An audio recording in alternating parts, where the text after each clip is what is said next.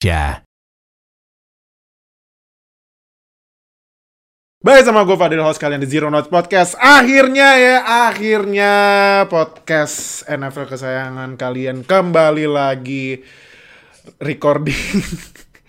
Karena ya, karena kita memang menunggu musim 2022 mulai Dan kalau gue hitung-hitung ini kita kan recording sekitaran tanggal 11 Juli ya. Nah berarti udah secara teknis nih NFL balik lagi bulan Agustus karena preseason ya, ya walaupun kalian nggak nonton preseason tapi tetap nonton preseason karena kan apalagi buat kal- kalian yang fantasy manager bisa melihat kan nih siapa nih sleepernya nih yang bisa gua ambil nih yang manajer lain gak ambil. Nah, jadi eh, intinya NFL bakal kembali lagi bulan Agustus sekitar 20 19 hari lagi kalau hari ini di-upload. Nah, jadi buat kalian yang belum update semua berita NFL, nah kita akan update semuanya. Tapi buat persiapan musim ini kita akan preview semua divisi di NFL. Apalagi nih yang buat sekarang nih divisinya kalau kita bilang sih divisi neraka ya, AFC West. Gila itu divisi kemarin eh ibaratnya kalau di football tetangga itu bursa transfernya kemarin capek ini gua ah, baca notifikasi ini nggak kelar-kelar. Ya ampun ya ampun ya ampun. Ada yang datang ada yang pergi dan lain-lain. Jadi eh kita mulai ya buat episode pertama buat di season preview. Jadi sampai ke 8 minggu ke depan kita bakal preview semua divisi. Jadi jangan lupa sebelum kita mulai seperti biasa yang nonton di video subscribe klik kunci sampai subscribe biar nggak ketinggalan sama NFL di Indonesia. Like comment share video ini. Yang dengerin di Spotify eh, langsung follow. Dan eh, streaming service lainnya. Dan sama satu lagi oh ya pengumuman ya karena ini ya karena kita udah gak lanjut di line open chat karena dari pihak lainnya sudah resmi menutup line open chat mulai tanggal 20 Juli. Jadi kita pindah ke Telegram oke? Jadi Telegram kita ada di deskripsi video ini atau bisa klik di eh, link bio profilnya di Instagram kita. Jadi daripada kalian nonton NFL sendirian, sendirian gak seru. Enak kan seru, eh, enak, enak kan seru, enak kan rame-rame. Biar ikutan ramenya nonton sama semua fans NFL Indonesia aja. Oke, jadi eh, kita mulai seperti biasa bareng sama Oka dan Nuha di sini. Jadi Hai. eh kita mulai langsung di preview AFC West. Tapi sebelum kita mulai preview AFC West, ini ada berita yang sangat-sangat Wuh. Oh, apa itu? Hidupin AC itu? nih masih Ini panas, Pak. Wuh. Banget. Gila nih ya. Gila, gila nih ya. Baru 2 tahun main tapi kelakuannya aduh aduh. Jadi QB Jets Zach Wilson kemarin dan sekarang masih beritanya ya, karena kita masih menunggu eh, keterangan ya, statement dari Zach Wilson ya. Jadi dia eh, ada berita nih. Nah, dia itu kemarin putus ya kan sama pacarnya. Ternyata mantannya jadian sama eh, temen mainnya Zach Wilson pas di kampus. Buset dah. Bah Oke. bahaya ya ini pergerakan romance NFL ya. Sama kayak di NBA juga ya. Ini bahaya ya. Itu kalau nggak salah nama timnya siapa? Dex siapa namanya? Dex. Dex siapa sih? Namanya? Gue lupa. Uh, dia pemain dari Washington, Washington. iya. Iya, Washington. Dex Mulin ya kalau nggak salah. Dex- Dex Kalau Milne- nggak salah, Dex Milne. Mulin. Kalau nggak salah. Dex Milne ya, Coba. Dex Milne apa itulah. Oh, Kalau- Dex ya pokoknya gitu deh. dia baru draft tahun ini kan ya? Yep. Eh, tahun ini apa tahun la- Eh tahun lalu main ini nih, tahun, main, tahun lalu main, sorry sorry, tahun lalu main. Nah, terus kan eh, Dex Milne ini kan dia ngepost di Instagramnya kan. Nah, ngepost Hmm. foto sama mantannya Zach Wilson. Ada netizen yang langsung nyinyir bilang katanya hoopers hoopin apa apa gitu nggak masalah. Tiba-tiba mantannya Zach Wilson Yang pacaran sama Dex ini. yang pacaran sama Dex ini ngasih Hah? tahu sesuatu yang membuat dunia NFL langsung jaw drop, langsung ini nih langsung nganga langsung what? Eh, Jadi percaya, mantannya Zach Wilson bilang Zach Wilson tanda kutip ya tidur sama temen baik emaknya Zach Wilson.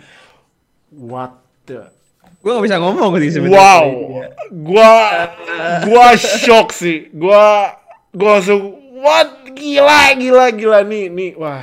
Tapi yang gua kagetnya ini adalah kalau lu kalian kalau kalian dan mungkin Oka dan Wada lihat reaksi sosial media, ini pada ini pada ngedukung Zach Wilson ya. ini intinya Iya. Zach Wilson got that dog in him. Iya. Ini lucu banget sih. Gokil Big applause sih. buat Jack Wilson. Ini- Big applause.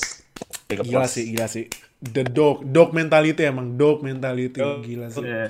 Dok banget dah, dok. Iya dah. Si paling, Kalau- si paling, si paling, si paling dok dah. Iya, dah. nih- nih si kalau-.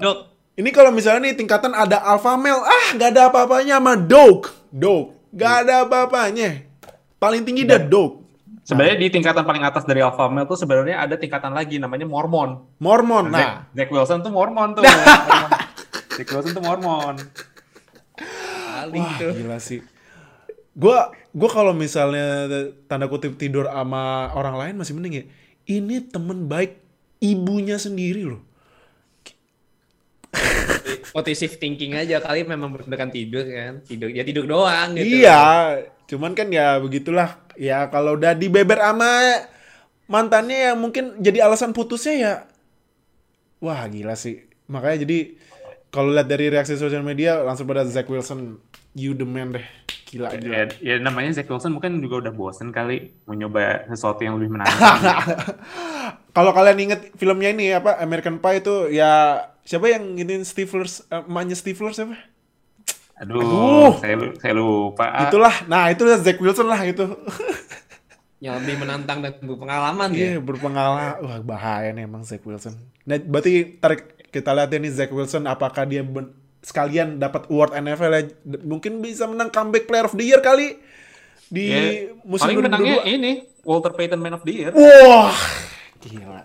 Donasi ya. Because he's the man. He's the man. D man, bukan D lagi. D.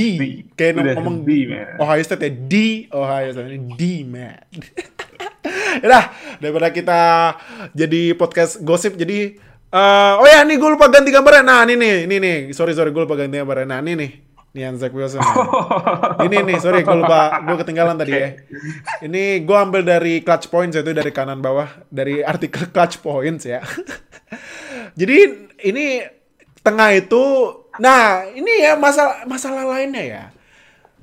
Tempat kampusnya Zach Wilson namanya Brigham Young University nggak salah ya namanya. Brigham, BYU, iya, kan? Brigham Young. Brigham Young. Brigham Brigham Young ya? University. Nah nama slogannya Cougar. Jadi Oh. jadi ini mentality mentality Cougarnya dari Udah dari dari kampus, dari kampus ke zaman bawah kuliah. kayaknya. Gila sih bener-bener Zach Wilson he got that dog in him man. Zach Wilson. Ya, New, New York will do that to you, man. Ah New York iya, akan- itulah efeknya New York gitu. ya.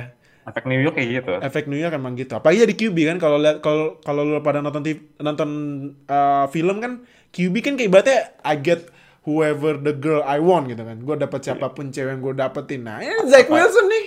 Apalagi QB main di New York lagi. Di QB. New York top prospek lagi. Hmm, udah. Jadi inget, jadi ingetnya kayak legendnya New York Jets ada John Namath. John Nah. Namath tuh dulu playboy. Ah, Zach ini. Wilson mungkin jadi penerusnya nih. Cucunya lah.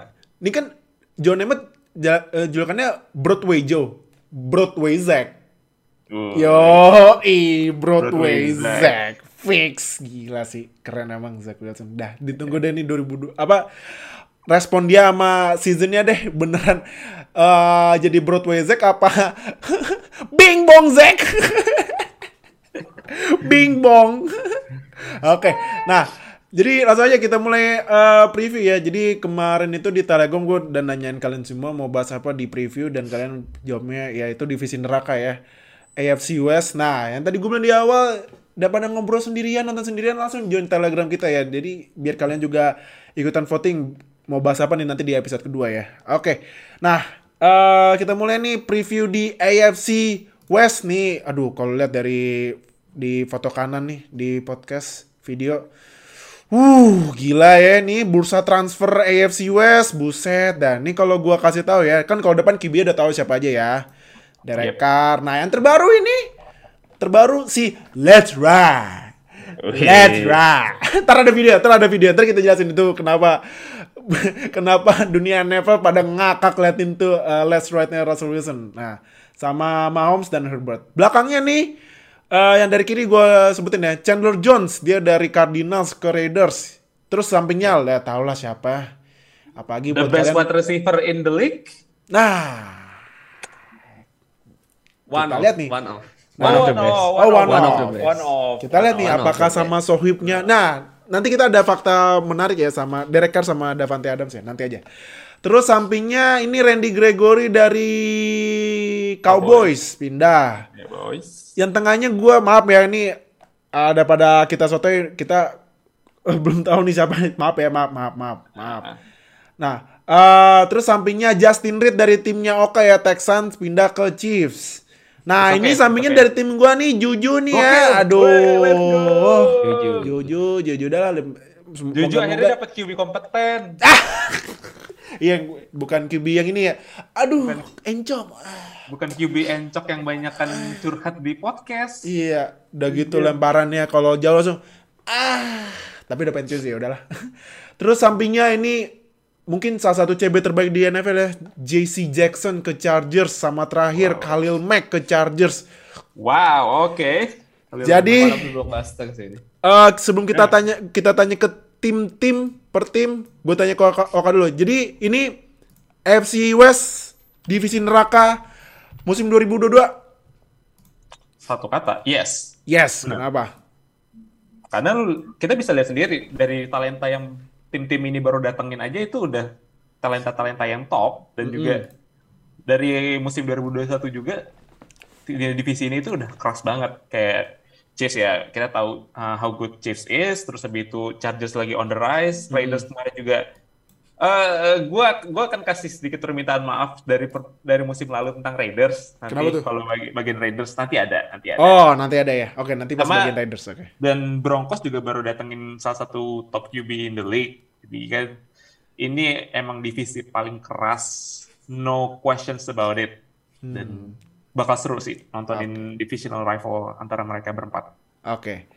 No, setuju AFC West divisi neraka musim ini? Kalau dibilang neraka sih gua sepakat ya, karena sebenarnya kalau misalnya Broncos nggak datengin Russell Wilson ini tuh bak- tetap bakal menjadi neraka juga. Cuman melihat pasar QB dan Russell Wilson yang nggak bet- udah merasa nggak betah main di Seahawks ah, gua nggak punya OL yang mumpuni nih, nggak punya nggak punya penghalang yang mumpuni buat gua buat main.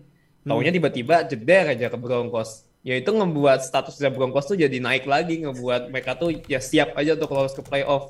Apalagi ditambah juga Chargers musim lalu juga meningkat walaupun belum lolos playoff. Raiders yang ya walaupun lolos playoff tapi kalah lawan Raiders lupa kalah sama. Bengals.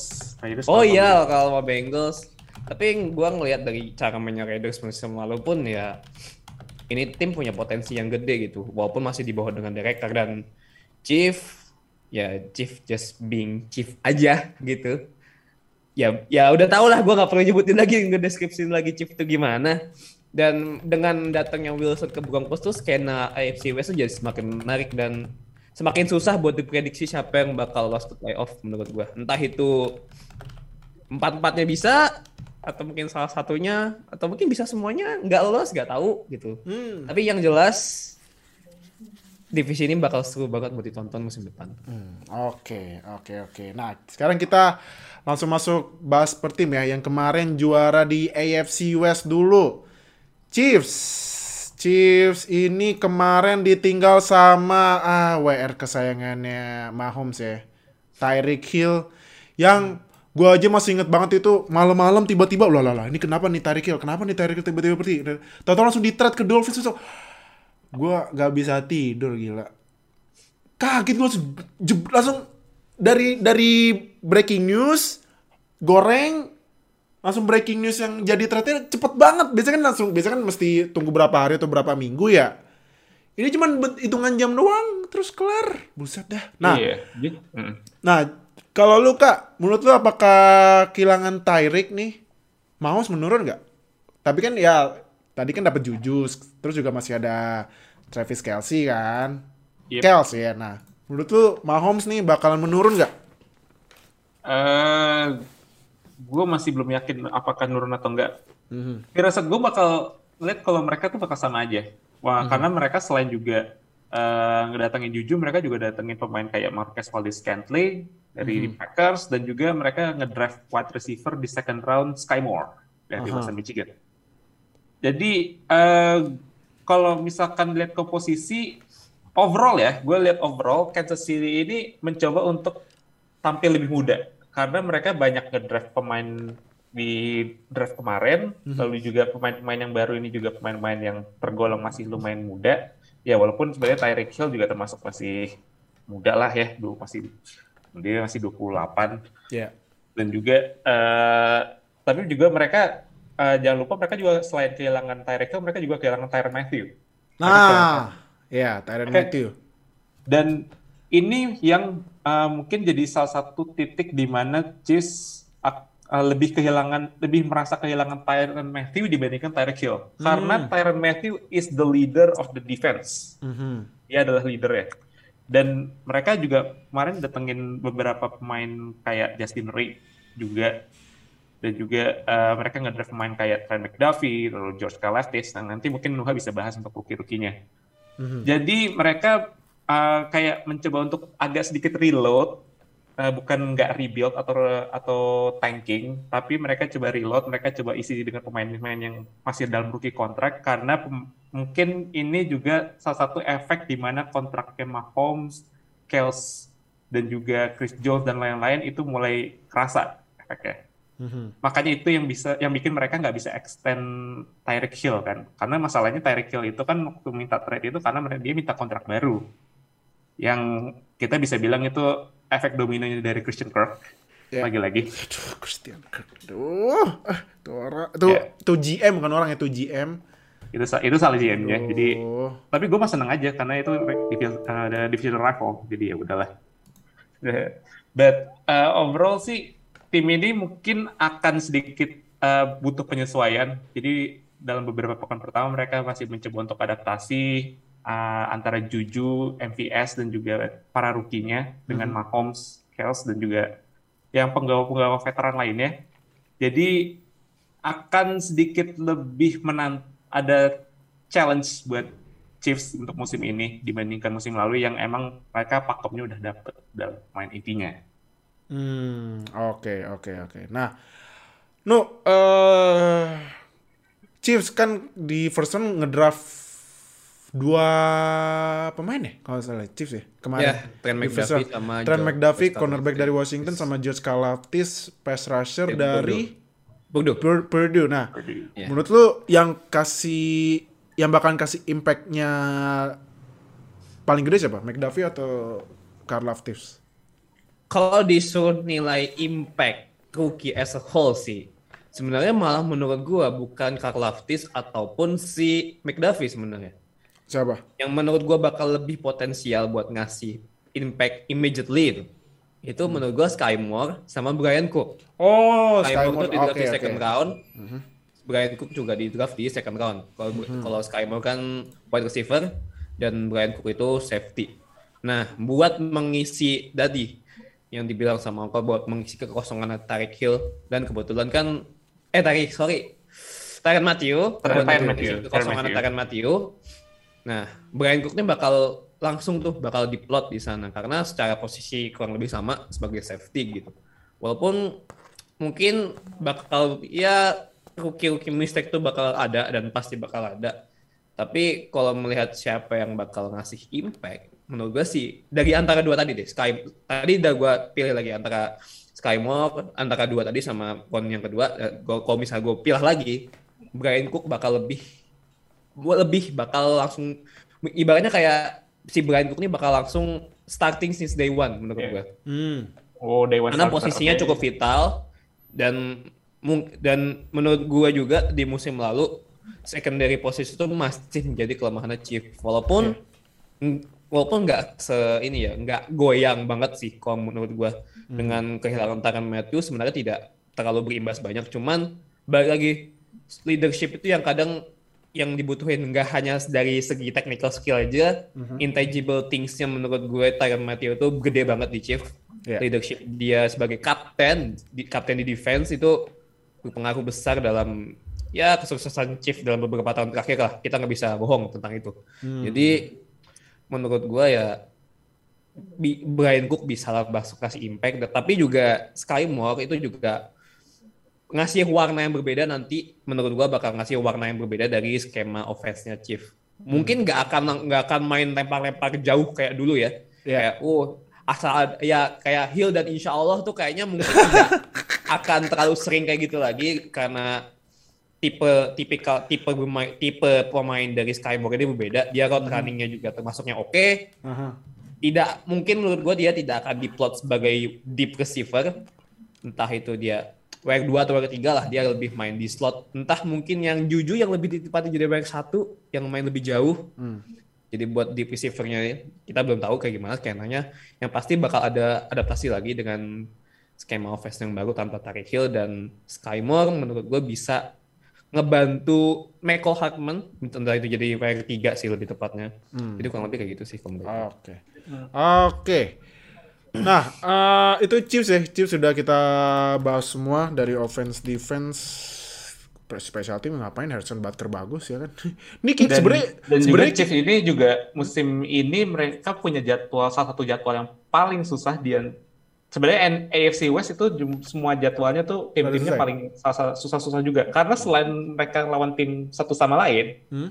mereka akan ngelawan tim dari NFC NFC West. uh, Hai. timnya Nuha dong. Ini ini ya apa ngejar-ngejar. Oh, ketemu Russell Wilson lagi. Aduh, lu lagi, lu lagi mau dimakan Russell berapa ya sama gua? Ketemu Enggak, 49ers. enggak, enggak, gini, gini.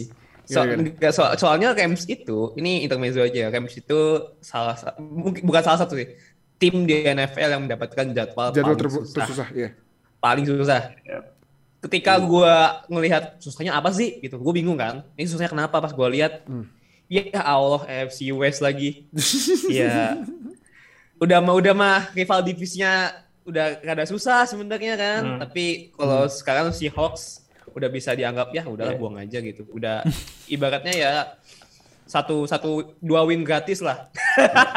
Ya, dan juga salah satu notable fixture-nya mereka di game mereka itu salah satunya adalah pekan pertama ya lawan Cardinals di mana Chiefs lawan Cardinals, Chiefs itu quarterback-nya Patrick Mahomes. Patrick Mahomes main di college, mainnya di Texas Tech Texas Tech. dan coach-nya adalah Cliff Kingsbury Cliff Kingsbury, Cliff dari Kingsbury. Cardinals. Iya, Jadi benar-benar. ini antara head coach lawan quarterback tuh bakal ketemu tuh kayaknya seru nih. Seru, Jadi seru. Oke. kita lihat aja nih. Oke, nah eh, itu Chiefs ya. Next kita ke tim eh jagoannya Chef Juna. Wih, Chef Juna udah lama nggak ke sini ya. Ntar kapan-kapan deh kita undang ya. Ayo Kapan-kapan. ya. dong. Mampir ayo lah, undang lagi dong. Tapi tadi ini ya, eh Tyrann Matthew ya. Tyrann Matthew kan ke, pindah ke Saints ya, pulang kampung dia. Mudik ya. Banyak yang mudik ke New Orleans ya. Tyrann Matthew doang. Jarvis Landry juga. OBJ dah, tunggu dah. Tinggal OBJ aja. OBJ, gila OBJ, Michael Thomas, Jarvis Landry. Wuh, udah dah. Tambah Ola apa Olave, ya kan Olave. Kan? Olave. Hmm, gila dah. Tapi nggak tahu deh nih James OSU dan LSU. Yo, iya. Tapi nanti ya buat bahas Saints nanti pas divisinya NFC South ya. Oke. Yep. Next, ini wah, kenapa kita kasih ini? Nah, jadi kan gue sempat bilang kan ini ada fakta menarik Davante Adams sama Derek Carr. Mereka itu pas college mainnya satu college barengan di Fresno Yes. State University. Ya, Makanya- Buat yang nggak familiar sama Fresno State ini, dia itu college-nya Paul George juga di NBA. Nah, iya Ya, tuh. Nah, Sama lah. Ya. Nah, jadi karena mereka mainnya udah lama, jadi ibaratnya kayak sohib gitu lah, ya kan. Nah, terus kepisah, ya kan. Ibaratnya nih, lu satu kuli, apa satu kuliah, udah lulus, cari cari kerja, pis- pisah-pisah kan, ya kan, pisah satu sama lain. Eh, tiba-tiba balikan ini berdua, nih. eh Davante Adams pindah ke Raiders. Nah, eh Kak, kalau menurut lu nih, apakah dengan cinta lama bersemi kembalinya ini, Carr sama Adams bisa ngebangkitin Raiders gak?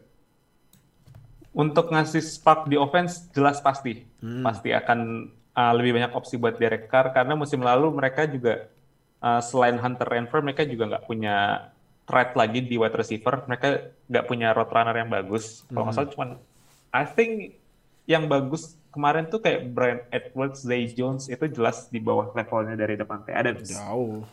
Jauh. Dan koneksinya Devante Adams dan Derek Carr ini kalau misalkan kita lihat dari college pun juga mereka um, one of the most underrated uh, wide receiver QB combo di musim mereka main. Karena seingat gue mereka tuh sampai 30-an touchdown main bareng. So, uh, koneksinya tuh ada chemistry-nya. Uh, dua thing, mereka punya uh, roster yang cukup buat jadi contender gua ragu, gua nggak yakin Hmm. dengan divisi yang sekeras ini Iya.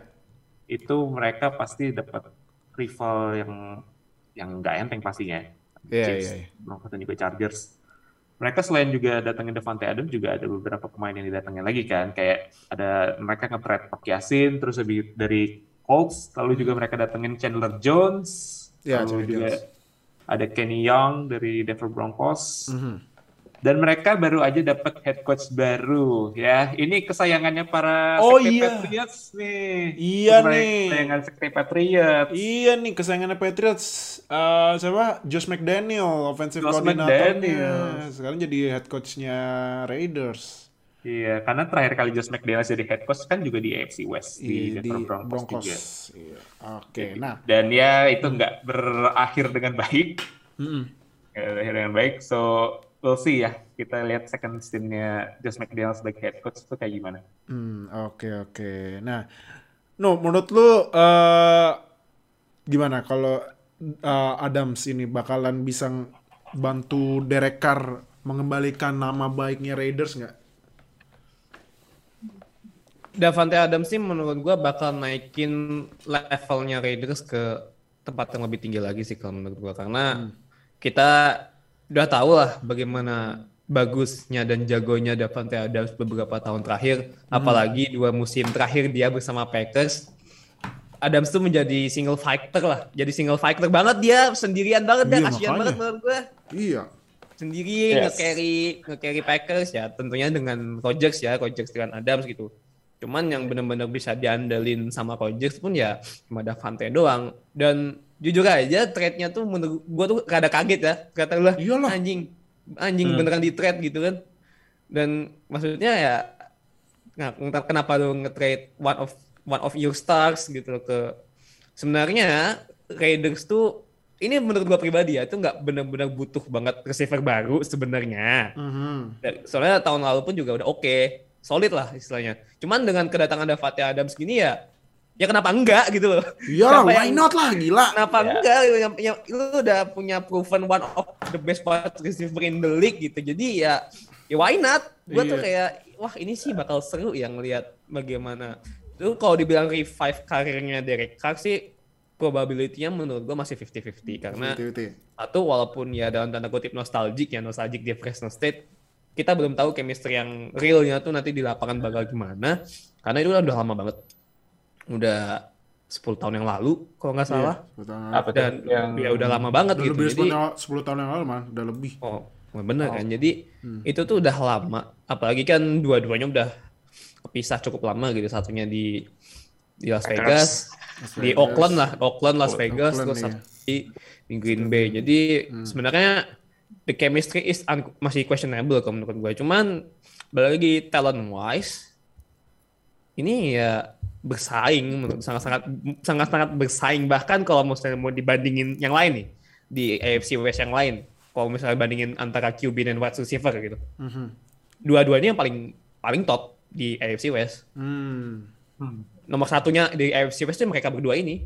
Mahomes juga belum tahu sama siapa yang benar-benar jadi pasangannya gitu. Terus kalau siapa Herbert sama. Keenan Allen nomor dua lah menurut gua. Herbert sama Keenan Allen ya. nomor dua. Ras Dan sama Ras sama siapa Wilson ya? masih Corton belum tahu Judy sama siapa gitu. Jerry Judy, Jerry Judy Judy. Jerry Judy masih yang masih questionable karena tahun lalu cedera. Cedera iya ya. Yes. Iya, eh. cedera lama. Kalau misalnya mereka pairingnya oke ya mungkin bisa. Tapi ya so far talent wise si Derek Carr sama Davante Adams is the best dan bisa jadi lebih bisa jadi itu nanti lolos playoffnya lebih dari hanya sekedar wildcard bisa jadi ya Hmm, menarik, menarik, menarik. Oke, oke. Nah, Oke. Kalau ya kalau gue justru malah uh, sedikit beda ya, karena gue malah mikir Raiders ini bakal agak lebih kesulitan dibandingkan tim yang lain untuk bersaing di NFC di AFC West ini. Karena isu mereka sebenarnya bukan di wide- bukan di offense.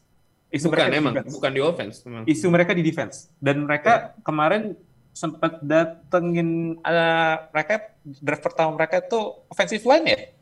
Atau gue lupa. Dia Siapa? Kayaknya Draft pick pertama mereka tuh di round ketiga, di round ketiga Iya. mereka. Jadi baru punya first round tuh di round ketiga mereka drafting First picknya hmm, pick ya? Dylan Parham ya offensive Pak OL sih OL lebih tepatnya. Iya. Dan mereka tuh juga masih belum benar-benar memperbaiki secondary mereka yang kemarin tuh sebenarnya itu jebol banget. Dan gue gue mungkin akan dapat banyak komentar yang kurang enak ya tapi gue merasa kemarin tuh mereka masuk playoff karena sedikit ada hoki. Karena mereka empat game terakhir yang mereka menang.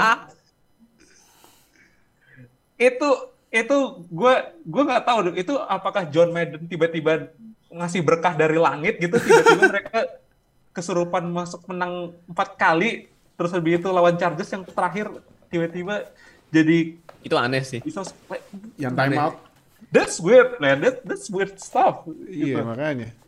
dan gue uh, masih uh, sebenarnya sih kalau wide receiver tahun lalu juga malah agak jelek. Uh, gue berani bilang agak jelek karena uh, selain Hunter, tadi gue bilang Hunter Renfro uh, satu-satunya wide receiver yang reliable buat mereka dan Brian Edwards dan Zay Jones bukan sekaliber dari Devante Adams dan Betul. Iya sih. their defense masih harus dibenerin sekarang juga. Chandler Nah. Jones bukan uh, jawaban utama buat mereka karena Benar, benar, benar. Chandler Jones itu udah umur 33 sekarang dan Iya. ya itu pasti akan mulai menurun. Nah, ini kan defense ya. Defense ini kalau gua perhatiin nih dari era sebelumnya kan sebelumnya kan dipegang sama GM-nya Mike Mayock ya. Ini Mike Mayock nih orangnya nih. Alah, alah. Cak nih orang nih. Gue gue jujur ya, pas Mike Mayock di hire jadi GM Raiders, gue kaget anjir. Mike Mayock kan sebelumnya kerjanya jadi tukang bikin mock draft. Iya, draft, draft analis doang. Draft analis, terus jadi GM. Gokil. Apa, il- ilmu ilmu ilmu draftnya tuh kebawa ke jadi GM gitu loh. Iya, jadi ilmu, GM, tapi- ilmu, apa ilmu ilmu tukang ramal tukang tuk- tukang ramal itu yang si paling ahli tuh keluar Tukang semua. Iya. draft. Dan hasilnya jadi jadi si ahli juga Iya. masalahnya. Lucu itu itu benar-benar kacau sih itu. Iya, yang ya kan draft picknya yang banyak banget yang fail. Contohnya kayak eh Glenn siapa? Farrell, Clelin Farrell.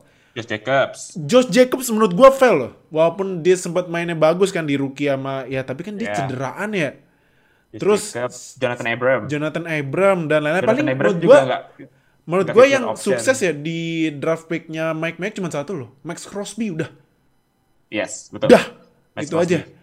Nah, Dan dan dan yang Hmm. dua- dan yang 2020 mereka juga punya dua first round picks. Dua-duanya sekarang udah kena kasus. Oh. udah kena kasus lagi ya ampun, ya ampun. Udah Makanya classic, kan. classic Raiders loh. Itu classic Raiders. Klasik iya emang klasik Raiders emang. Henry Rux kena kasus tabrak Kasus. lari, terus juga Dem- Damon Arnett kalau salah kena kasus gun violence atau kayak Ya, gimana. bawa, bawa beceng lah. Bawa Bawa beceng, beceng, bawa bawa beceng, beceng. bawa beceng, bawa beceng. Aduh, Jadi Blok. Ra- Raiders itu harus eh, yang mau disalahin siapa? Salahin Mike Mayock aja sih, Mike Mayock. Karena John Gruden pun juga eh, walau se old schoolnya dia tuh dia juga nggak eh, dia rosternya soalnya dibuild dari Mike Mayock. Mike Mayock. aja Nah. udah. Tapi nih ya walaupun cuma sukses satu ya Max Crosby- sama ini kali ya Hunter Renfro pas Mike Mayock bukan sih? Iya, Hunter Renfro Ah, berarti dua ya Hunter Renfro sama Mike Mayock. Menurut lu nih, eh apakah Raiders harus eh walaupun nih walaupun kemarin dapat Davante Adams tapi sama Chandler Jones tapi apakah Raiders harus kayak ibaratnya kayak ngerombakin squadnya lagi dari awal atau gimana gitu. Nah, khususnya kan ini Josh Jacobs ya yang tadi gue bilang Josh Jacobs menurut gue fail loh. Apalagi yang main dia nggak dapat 50 year option ya Yes. karena cederaan gitu. Menurut lu gimana kak? Menurut lu apakah rombak lagi buat bersihin dosa-dosanya Mike Mayock kemarin apa gimana? Uh, kalau dosa-dosa sih musim depan juga kalau misalkan nggak ada yang di extend juga udah bersih dosanya. Iya. Bener ya. Tapi Bener-bener. uh, dengan roster yang sekarang gue melihat bahwa ini bukan roster yang di atas kertas cukup lah untuk ngelawan Kansas City Chiefs ataupun bahkan Chargers dan mungkin juga Denver Broncos yang nanti mungkin kita akan bahas. Hmm. Tapi uh, ini bisa dibilang langkah yang langkah yang maju lah buat langkah maju yang tepat buat Raiders karena mereka butuh banget seorang playmaker di wide receiver. Mhm. Kalau running back ya mereka nanti bisa cari lagi gampang sebenarnya kalau running back lah. Kalau itu Iya. banyak. Kalau wide receivers itu apalagi dengan chemistry yang udah sebenarnya udah proven tapi mungkin karena udah lama jadi ya masih harus diasah lagi antara Derek Carr dan juga Devante Adams. Dan juga kita belum bahas Darren Waller dan Waller Ah, iya dan Waller ya, bener. sempat cedera juga beberapa kali. Cuman eh, musim ini kalau misalkan dia healthy, jadi Derek Carr, Josh Jacobs, Devante Adams, Hunter Renfro, Darren Waller itu itu eh, komponen yang tepat lah buat sebagai offense. Hmm. Oke oke. Nah, no uh, terakhir buat pembahasan Raiders nih yang tadi gue bilang kan dosa-dosanya Mike Mayock banyak banget. Uh, menurut lu buat di era barunya nih ya, kalau lu lihat dari komposisi uh, squadnya, Ya. mesti draft siapa dulu nih buat ya buat inilah prediksi-prediksi lucu aja lah. Buat 2023 first round kalau first round ada ya Raiders ya. Draft siapa? Draft posisi apa dulu? Jangan di- draft siapa kan kita masih belum uh, uh, masih mengeraba-raba prospeknya kan karena kan college college season mulainya kan bulan Agustus Iya, gue. pertengahan kalau nggak salah kan. Nah, Hmm. nah kalau menurut lu Nu, posisi apa dulu nih yang harus diambil di sama Raiders tahun 2023 di first round deh, first round aja, first round aja. Quarterback. Wah, buset, buset, Enggak, enggak, enggak, buset, enggak, enggak, buset. enggak. Menurut gua mereka masih masih oke lah. Cuman Hmm. kalau misalnya disuruh pilih second day, entah itu nggak tahu ya, ya semoga sih sebenarnya kalau lihat dari apa ya terakhir kali mereka drafting secondary sih hasilnya sih nggak bagus ya Iya, gitu. makanya. Kayak Dalman Arnett, terus juga siapa sih? Jonathan Jonathan Abrams. Abram. Abrams. Iya, Jonathan Abrams. Tapi kemarin memang- yang second roundnya bagus kok, Trevor Morik. Trevor Morik Ah, iya, Trevor Morik.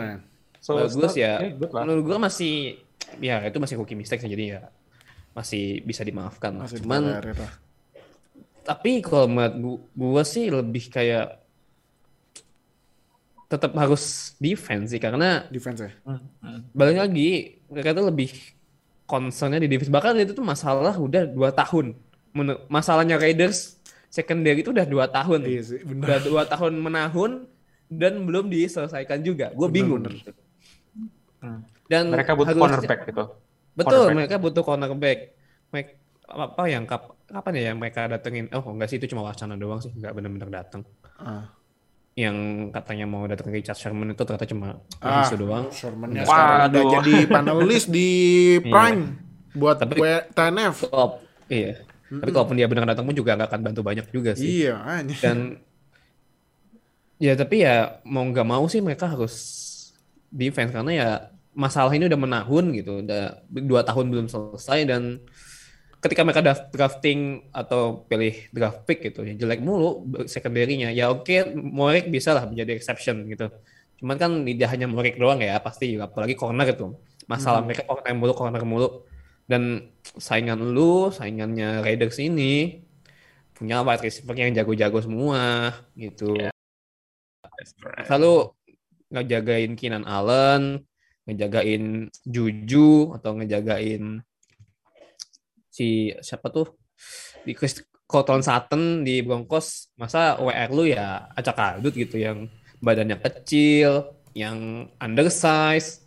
Ya kewalahan. Pasti bakal kewalahan. Dan itu kan PR yang mereka tahun lalu juga. Kenapa mereka banyak kalahnya juga? Karena salah satunya secondary. Mhm. gue yakin sih Chef Juna ngamuk-ngamuk itu kalau masalah secondary. Yakin gue masalahnya dari tahun lalu ketika Chef Juna ada di sini di episode kita bareng tuh ngamuknya sama masih sama tentang secondary gitu jadi ya entah ya entah itu nanti musim depan free agency-nya siapa yang bakal nganggur gitu Mhm. di posisi corner ambil Chargers duluan, ya udah. Hmm, oke oke. Oke. Nah, eh kita ke tim selanjutnya ya, yang tim kemarin seharusnya bisa lolos bareng kan sama Raiders tapi ya kenapa coachnya nge-time out? Ih. Tinggal seri lolos itu berdua. Chargers. Nah, Chargers. Justin Herbert. Kak, calon Yes. MVP kah musim ini? Gila nih ya Justin Herbert. Gokil emang. Sebenarnya nggak harus dia jadi calon MVP ya, tapi dia harus bisa bawa Chargers untuk masuk playoff titik. Aha. Karena musim ini tuh Chargers udah go all in buat dia, buat bantuin di bagian defense. Lebih banyaknya di defense sebenarnya, tapi di offense pun mereka juga uh, putting some work. Mereka juga uh, resign Mike Williams. Nah, uh, iya. Nih, Pre-year contract. Iya. Ini du- sekarang ini kalau nggak salah duo WR ini salah satu duo WR termahal di NFL ya. Kontraknya lumayan gede. Yes, Kedua. betul. Kita 39 sampai 40 juta. Aha. Dan um, mereka ya salah satu tim yang paling komplit saat ini bahkan uh, including Chiefs adalah Chargers karena mereka punya talent di hampir semua posisi. Mungkin ya yang masih mereka belum begitu develop adalah di posisi linebacker tapi dengan dengan mereka mendatangkan beberapa pemain baru di defense yang salah satunya adalah trade for Khalil Mack Khalil Mack Iya, juga Khalil Mack. mereka juga sign tadi yang udah ditunjukin di gambar ada JC JC Jackson. Iya.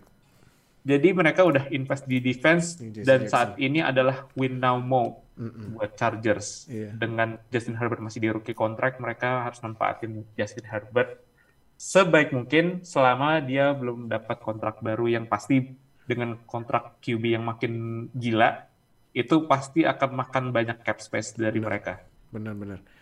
Ini juga Herbert kan juga nih ya, the weaponnya satu lagi yang menurut kita ini karena Sahabat CMC fantasi. ham, kayak karena CMC hamstringnya kena mulu nih, berarti jadi CMC-nya sekarang ya.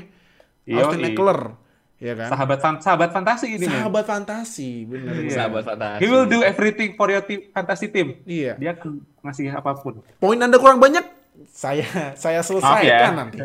saya selesaikan. Saya lah, Eckler saya lah nabi Anda yang akan Anda semua. Gitu. Nah, em, buat defense nih, eh no, kalau menurut lu dengan kedatangan JC Jackson dan juga kemarin kan Derwin James main akhirnya main full ya, main full nggak sih main Derwin, Derwin James main full ya? Main full. Uh, main main full atau satu dua game absen lah. Ya. Iya, Iya, nah. pokoknya mostly hadir lah. Dia most- Iya. mostly main sih. Masih Masih main main, ya. masih Dan ya Derwin James main impactnya juga lumayan gede. Menurut lu nih gede banget. defensive backnya Chargers salah satu yang mesti ditakutin nggak di liga?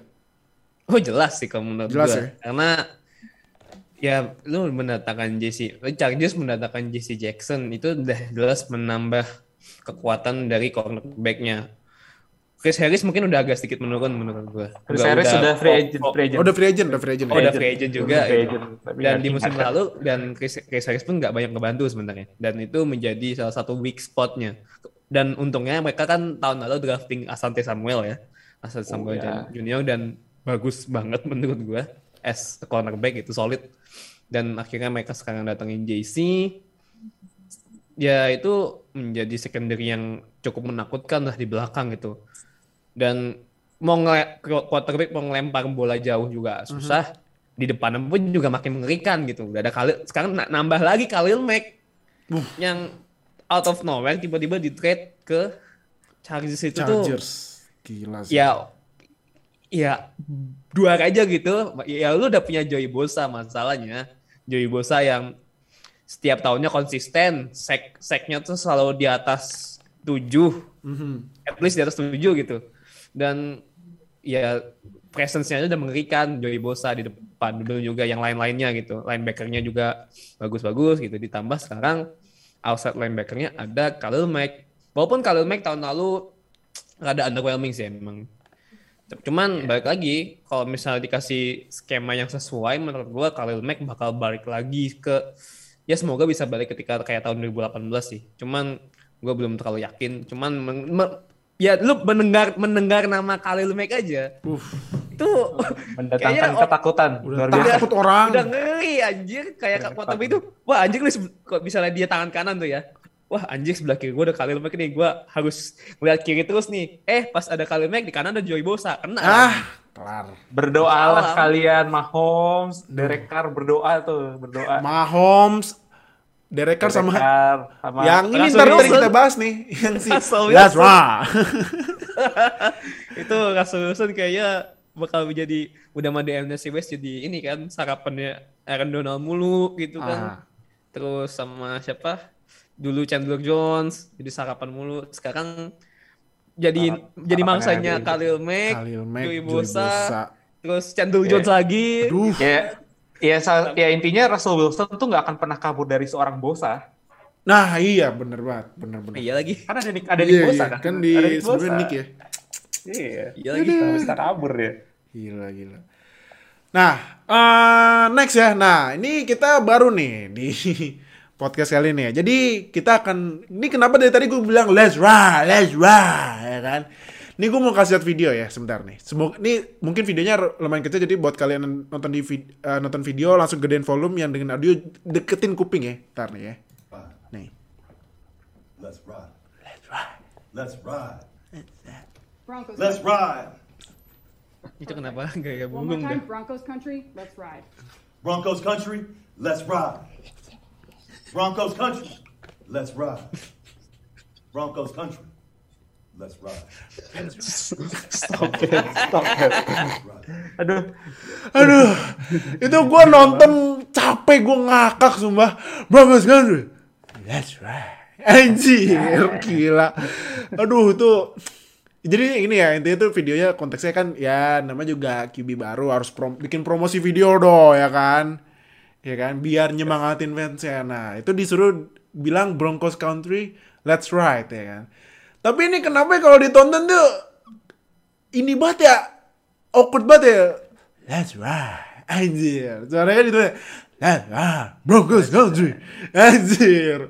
Gila gila. Tuh kalau kalau lu liatin yang pas video pertama kali uh, diupload terus baca reaksi netizen pada geleng-geleng. Dan nih nih uh, kan dulu kalau musim kemarin kan bilangnya let Russ cook ya. Ini sekarang udah nggak ada lagi. Sekarang let's ride anjir. Nah menurut lu nih apakah Broncos akan kembali ke zaman zaman kemasannya pas kayak Peyton Manning sama John Elway nih? Sekarang sama Russell Wilson. Eh, kak. No. udah siap di let's ride belum nih? Warga Denver udah disiap dulu let's ride. No. Ya, the let's ride-nya bakal derail. di- aduh di rel kenapa? Nah, nah, nah, nah. Karena apa ya, gue merasa kayak dengan mendatangkan Rashford juga masih uh, akan ada hole di baik di tim mereka, terutama sebenarnya di defense mereka juga lagi juga nggak begitu improve. Ya, lagi-lagi ya itu uh, permasalahan tim lagi itu defense. But offensively ya mereka bakal dapat lebih banyak uh, sparks lah, lebih banyak uh, kayak skema baru dengan adanya Russell Wilson karena jelas beda lah antara Drew Lock, Teddy Bridgewater, apalagi sih mereka setelah Peyton tuh gue sampai lupa berapa banyak QB Paxton Lynch. Paxton Lynch, Paxton Lynch, Trevor Siemian, Trevor Simeon, Case Paxton Lynch. Keenum, Joe. Flacco, Joe Flacco, Joe Flacco. gila emang kesenangannya John Elway tuh QB QB tinggi. Dan Sekarang akhirnya datang QB yang sedikit Yang, bawah rata-rata. iya di bawah standar sebenarnya. di bawah standar. Kunci mereka sebenarnya ada satu ada di Russ pasti, kedua ada di running game mereka dengan Oh, Javonte duo Javonte sama Melvin Gordon ya. Karena dua dua running back ini harus jadi kunci dari running game mereka. Ini juga yang nggak didapat Russ pas di Seahawks. Ah, Karena Chris iya, iya. Carson uh, injury prone, uh, Rashad Penny juga injury prone, dan running game mereka tuh basically hampir nggak ada kemarin. Aha. Jadi musim ini dia udah dapat running game yang dia butuhin dan wide receiver mereka pun juga termasuk yang masih muda kayak eh, Jerry Jeudy dan juga Cortland Sutton. Cortland Sutton. Uh, offensively mereka lebih leng- sam- uh, termasuk lengkap tapi mungkin nggak selengkap kayak uh, Raiders ataupun Chargers. Jadi gue melihat Broncos prospeknya nggak semenarik tim dari AFC West yang lain. Hmm, oke oke. guys. Oke. No, menurut lu gimana nih mantan mantan mangsanya Aaron Donald nih? Bakal bakal bakal bisa me-let's right kan Broncos apa gimana nih? Iya, kalau di atas kertas sih harusnya bisa ya, karena Russell Wilson udah proven selama di Seahawks ya prestasi ya prestasi ada, skills ada, jago iya, walaupun tren buruknya Russell Wilson tuh selalu ada juga gitu. Jago di awal, di pertengahan musim pertama tiba-tiba pertengahan musim terakhir jeblok. Itu sudah sering dan sudah biasa sudah kita lihat itu sering terjadi gitu. Dan kemungkinan sih hal itu juga bakal sama sih di Broncos karena kan PR-nya baik lagi karena ya walaupun Russell Wilson on the paper bagus banget gitu cuman PR-nya Broncos sebenarnya sebenarnya itu kalau menurut gue pribadi bukan quarterback. Sebenarnya in my opinion Drew Lock tuh masih bisa at least kas, lu kasih kesempatan satu tahun lagi gitu. Cuman mungkin John Elway udah gak sabar gitu kan. Udah ah sebelah tim gua jelek mulu nih quarterbacknya. Ya ya siapa, siapa suruh lu pilihnya quarterbacknya jelek-jelek mulu gitu John Elway gitu kan. Defense mereka sih yang menurut gua em, yang menurut gua menjadi sedikit concern ya. Karena Yes. udah nggak ada Von Miller satu. Ah iya benar. Bradley Chubb cederaan ya kan? ya dan Bradley Chubb juga cederaan. Mereka drafting Nick Bonito Packers. di pick 64 edge rusher. Dan itu bakal jadi ya mungkin ya bakal feeling feeling feeling the hole sih. Tapi meskipun begitu ya kita jangan terlalu banyak berharap dengan rookie gitu. Dan signing mereka selain Randy Gregory nggak ada yang gue sih nggak terlalu impress ya dengan free agency mereka so far gue nggak terlalu impress karena kebutuhan mereka sebenarnya lebih deep dan lebih banyak yang harus dibenahi ketimbang offense. Iya. Offense-nya menurut gue ada jalan sebagaimana mestinya. Cuman kan memang tahun lalu Jerry Judy cedera lumayan parah ya di kalau nggak salah di week keempat gitu. Itu sayang banget. Jadi PR-nya menurut gue lebih banyak di defense dan nggak tau gue juga nggak impress dengan drafting mereka di tahun ini gitu. Ya mungkin cuma Well, kayak mereka juga mereka juga nggak ada draft pick juga udah di trade semua kan buat uh, Russ kan. Buat Russ ya. Iya. Betul, dua tahun mungkin dua tahun belakangan juga nggak mereka nggak punya first dua tahun ke depan nanti mereka nggak punya first round pick First gitu. Makanya s- tahun ini kan Broncos mereka drafting mulai tuh di round ketiga atau oh round ketiga pick 64 tuh round ketiga. Round 2, round 2. Iya. Oh, Ran- Oh iya round kedua. Still round 2, still round 2. Oh iya round kedua benar. Jadi ada memang yang banyak yang harus dikorbankan ketika mereka mendatangkan Russell Wilson dan ya semoga hasilnya berbalas aja sih. At least berapa win ya? 9 deh. Gitu. 9, 98 ya. Ya, di sini kan over undernya gue liatin Denver Broncos itu projected win totalnya 10,5. Jadi Ush. over atau under nih? Ini banyak yang mulai kemakan oleh let's ride. Let's ride. Under lah. Ya, Kayak kalau gue under dah. memilih under sih, gue milih under. Under. Iya, AFC West keras kayak gini. Buset, oh, oh, 10.5. Tinggi amat. Divisinya keras, terus habis itu schedule-nya juga lawan NFC West, terus habis Iya. itu juga mereka tuh lawan siapa lagi ya? Eh, Peringkat terakhirnya AFC North ama MNC FC East yang FC East terakhir FC East sama FC Jets North berarti. di yes Raven sama Co Raven sama Jets Ravens sama itu Jets ya? itu tim on rise juga sebenarnya Iya. Nah, dan dan jangan lupa Denver Broncos week 1 akan langsung main di Lawan Seahawks. Oh iya, anjir. gokil gue gue senang sih. banget nih sama ini Ini entertainment sama, sekali. sama yang bikin skripnya NFL Iya, NFL bikin Gokil. skripnya pinter ya. Rating cuan week 1 let's go Week 1. Hmm. Main eh ma- mainnya di mana? Mainnya di, di Seattle Seattle Oh. kan. pas langsung Cuan. NFL kalau nyari cuan tuh emang paling pinter emang Gokil. cuan. Mainfield ya. Udah gitu prime time game lagi. Wah, udah Oh, kelar. oh prime time, prime time. Prime ESPN. time. ESPN ABC Kelar. Oh ESPN, wah Cuan, berarti Selasa cuan. pagi nih kalau di sini. Di sini Oh, Selasa iya. pagi tuh, wah. Waduh. Cuan. Emang NFL deh kalau nyari cuan paling pinter. Eh, dah. Nah, eh, terakhir, eh gue mau nanya Noah, no, kalau dari defense ya kan tadi kan sempat bilang defense Nah, gue mau nanya tentang ini satu CB rookie kemarin yang menurut gue ini mainnya lumayan bagus ya. Ini Patrick Surtain Iya. ya.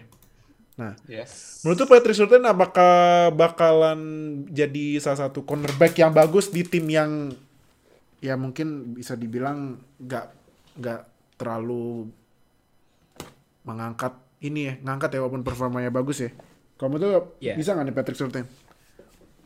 Buat individual stats atau mau stat padding menurut gua Patrick Surtain bisa bisa banget gitu. Ya salah satu yang bisa diandalkan selain gue lupa sih siapa nama-namanya kad- di Broncos yang memang paling Justin buat Simmons. Justin Simmons ya, man. safety-nya Justin salah satu. Oh Simmons. ya Justin Simmons. Tapi kan Justin Simmons safety ya. Jadi Iya, safety. kita exclude dulu gitu. Oke. Cuman untuk cornerback ini ya untuk untuk individual wise bisa bisa banget. Bisa menjadi mungkin top 10. Proyeksi gue bakal top 10. Top 10 ya. Oh, Cuman balik lagi kita kan nggak bisa mendefinisikan pemain hanya dari individu aja gitu. Walaupun secara individual bagus gitu, mungkin bisa bi- mungkin bisa 6 intercept lah atau berapa apa segala macem. Cuman kan tidak akan membantu banyak kalau misalnya timnya kalah gitu. Ya balik lagi pada akhirnya offense yang bakal kerja gitu buat buat cetak poin. Kalau memang defense mereka khususnya secondary kelabakan gitu nggak bisa ngejaga nggak nggak bisa ngejaga keunggulan poin dari timnya sendiri ya bakal tembus-tembus juga gitu ya sayang sayang juga gitu. Meskipun mu- secara ceiling ceilingnya Patrick Surtain itu menurut gua dari cornerback tahun lalu ya itu yang paling tinggi. Karena satu musim lalu yang di draft sebelum dia itu aduh gue lupa ya di draft sama Panthers Ah, ini JC Horn. Horn, Horn. cedera. Oh iya, JC kan. Horn. JC Horn kan tahun lalu cedera dan nggak main banyak.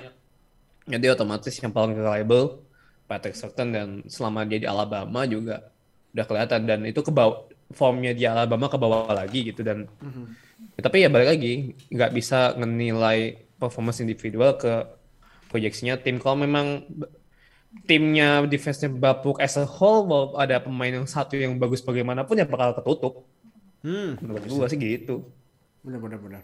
Hmm, Oke, oke. Oke. Jadi eh, terakhir sebelum kita menutup eh, prediksi lucu-lucuan aja Kak, juara AFC West siapa? 2022.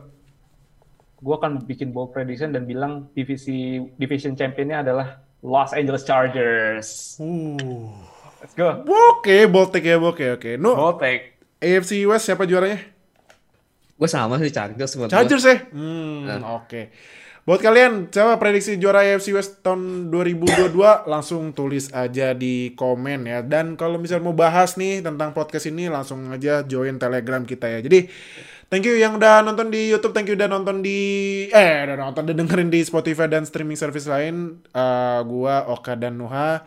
Sampai jumpa lagi di minggu depan di divisi lain nanti gue bakal votingnya di Telegram ya. Jadi sekali lagi jangan lupa join di Telegram ya. Jadi sampai jumpa di minggu depan ya. Dadah semuanya. Bye.